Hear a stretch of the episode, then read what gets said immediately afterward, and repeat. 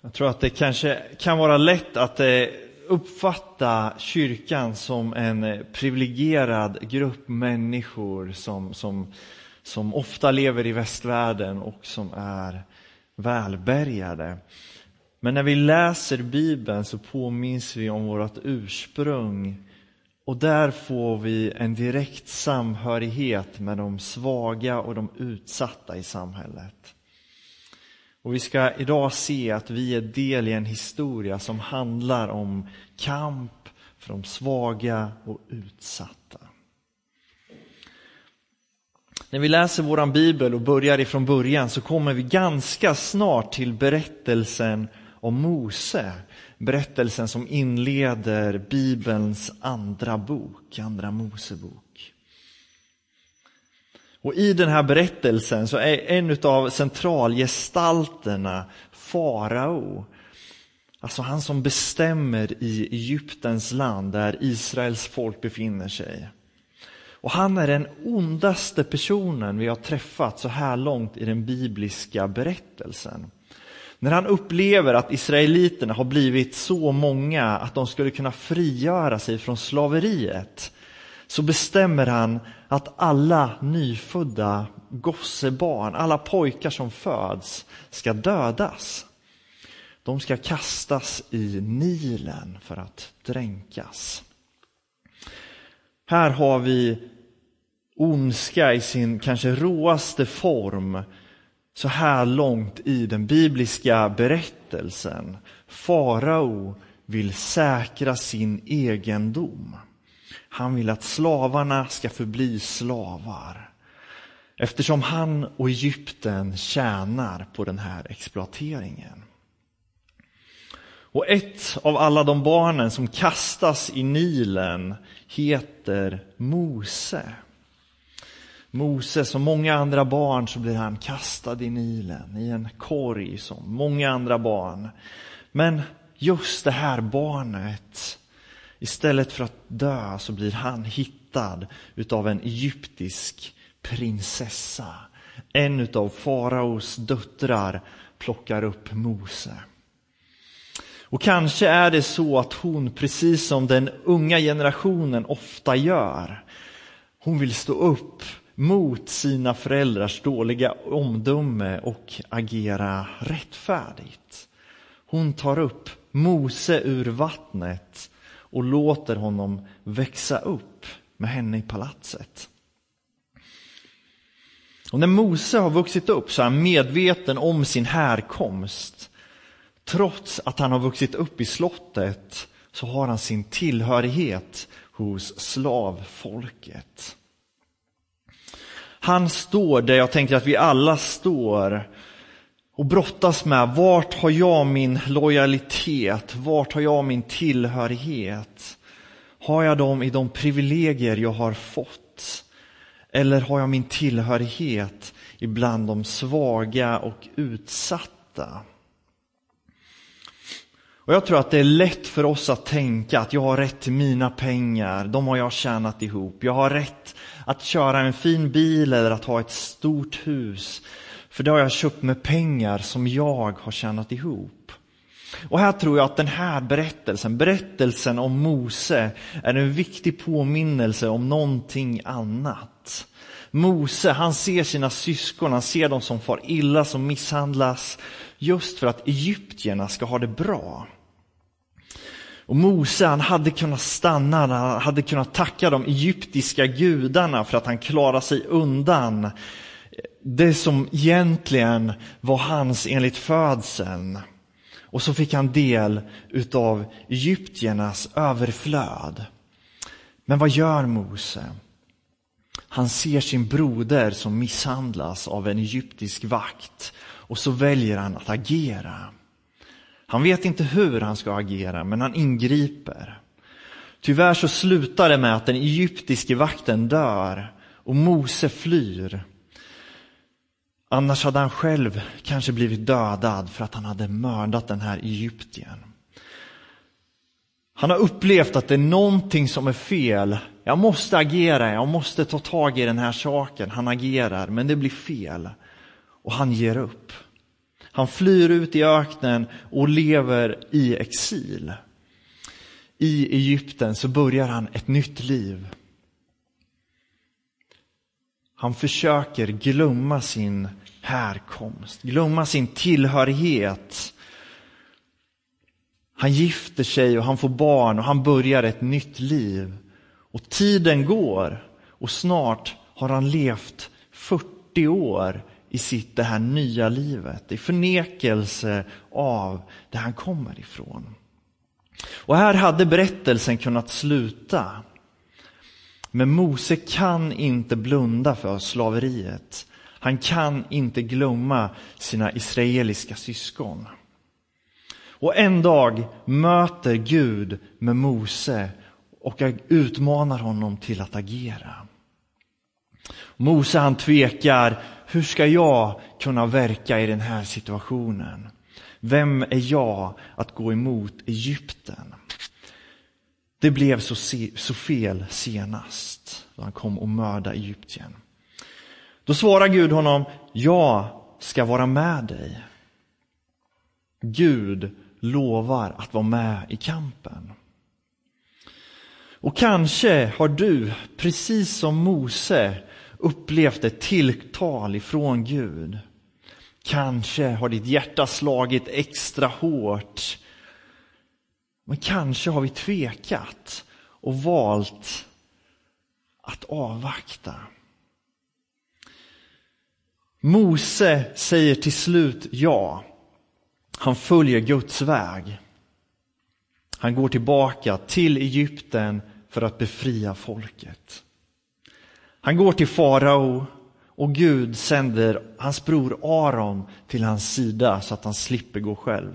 Han ber farao att släppa Guds folk, men istället så straffas israeliterna. Mose har kommit för att befria, men folket får det sämre. Fem gånger ifrågasätter Mose om han verkligen ska gå till farao. Fem gånger så tvivlar han. Och i andra Mosebok, den sista gången han tvivlar inför Gud, så, så står det så här, fem, äh, andra Mosebok 5, 22-23. Herre, varför handlar du så illa mot detta folk? Varför skickar du mig? Ända sedan jag gick till farao för att tala i ditt namn har han misshandlat dem.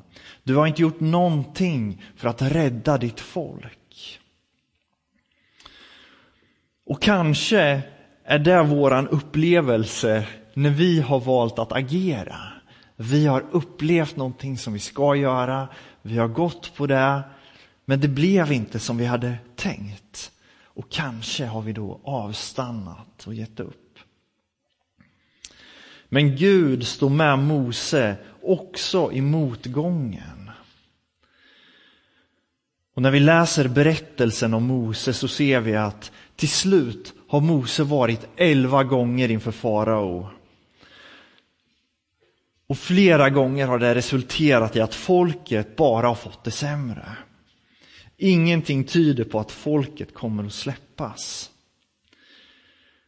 Men tolfte gången, när Mose går till farao, så blir folket till slut fria.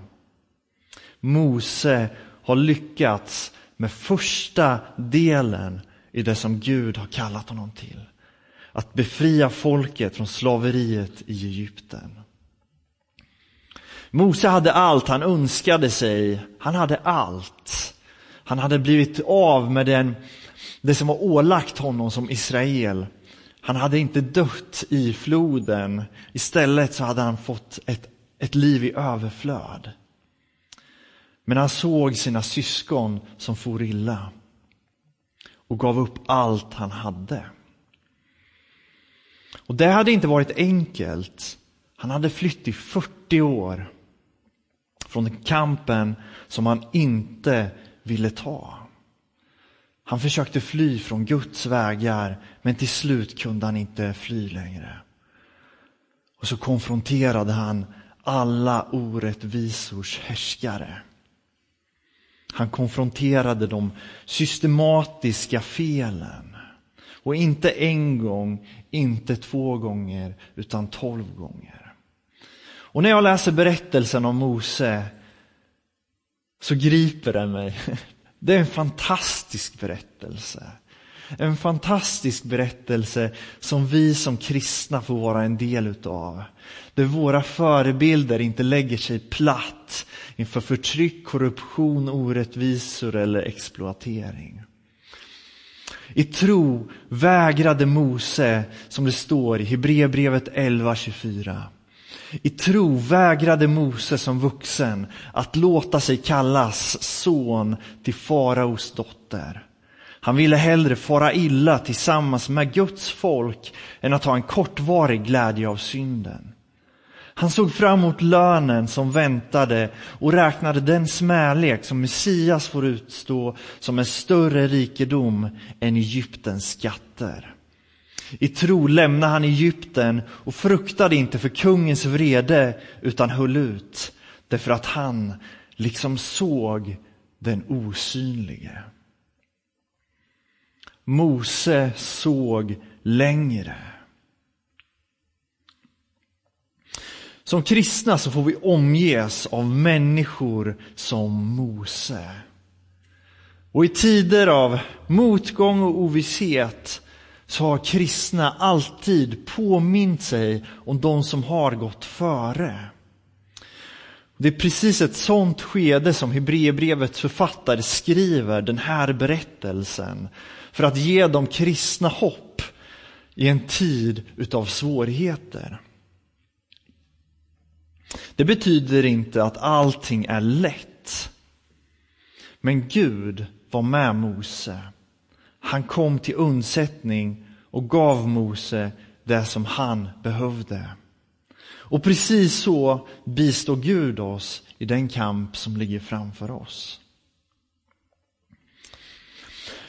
En sak som jag tänkte på när jag läste den här berättelsen är att i våran samtid ibland kan det vara enkelt för oss att förandliga de här berättelserna. Vi kan tänka det som att Mose han befriade de fysiska slavarna och vi ska befria de som är andliga slavar. Jag tror att vi som kristna givetvis ska verka för att befria andliga slavar. Men vi måste också se att Jesus utmanar oss som hans efterföljare, efterföljare att se till våran nästa. Se till alla de som far illa, inte minst de som far illa fysiskt.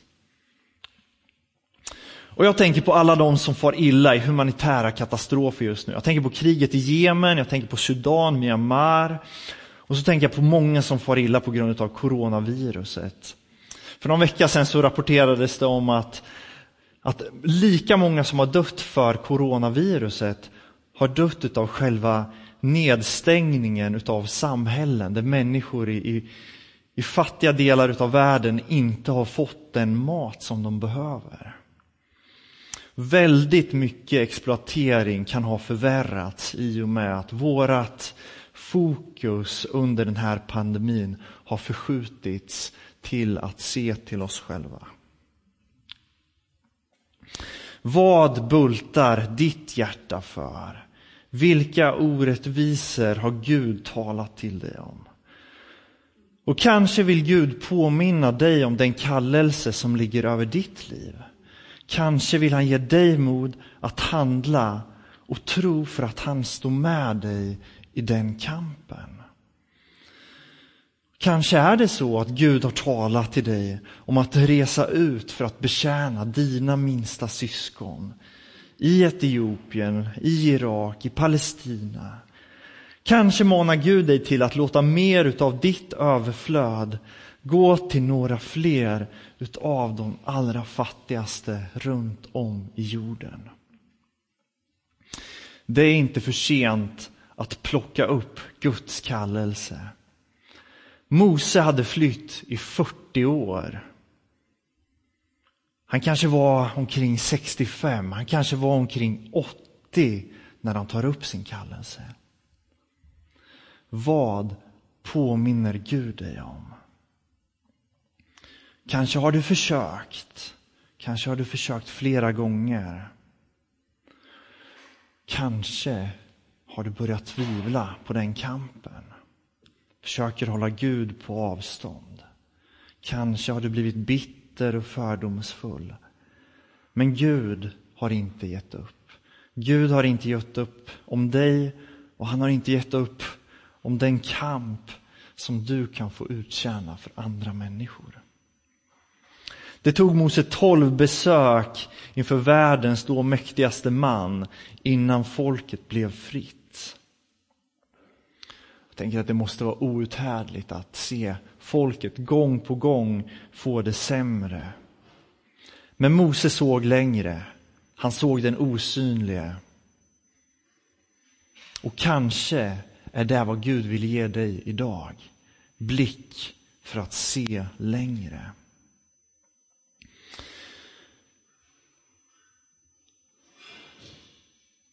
Kanske är det första gången som du hör Gud säga, som du hör Gud tala om någonting, han utmanar dig till någonting. Mose svarar Gud, här är jag, Herre. Och så får han gå tillsammans med Gud i kampen för det som är rätt. Och kanske ska du också säga, här är jag, Herre. Jag vill stå upp i kampen för det som är rätt. Jag tror att kampen hårdnar. Samhället radikaliseras, samhällsklimatet blir allt tuffare och rädslan för corona har skapat en frustration. Vi får be för den frustration som kanske finns i samhället. Jag tänker på demonstrationen i Stockholm för några dagar sedan. Mitt i den här tiden så får vi omge oss av berättelsen om Mose och se att Gud står med i kampen för det som är rätt. Även när Mose upplever motgång på motgång. Och min bön är att vi ska bli fler som får sluta upp tillsammans med Mose. Kämpa för det som är rätt och ha blicken fäst på Jesus. Han har lovat att vara med oss in till tidens slut. Vi ber tillsammans. Tack Jesus för att du vill den här världen. Tack Jesus för att din plan inte är orättvisor och korruption, Herre. Tack för att du har högre vägar för den här vägen, världen. Och Jesus, jag ber att du ska få återuppliva den kallelse som du gav Mose att befria folket ur slaveri. Jag ber att du ska få återuppliva den idag när vi ser så många människor fara illa, Herre. Jag ber att du ska få påminna oss om den kallelse som vi har upplevt, Herre. Jag vill att du ska få påminna oss om vad du vill göra i den här världen, för människor, för de som har det allra sämst, Jesus. Och jag ber att vi ska få se fler människor sluta upp i kampen för det som är gott.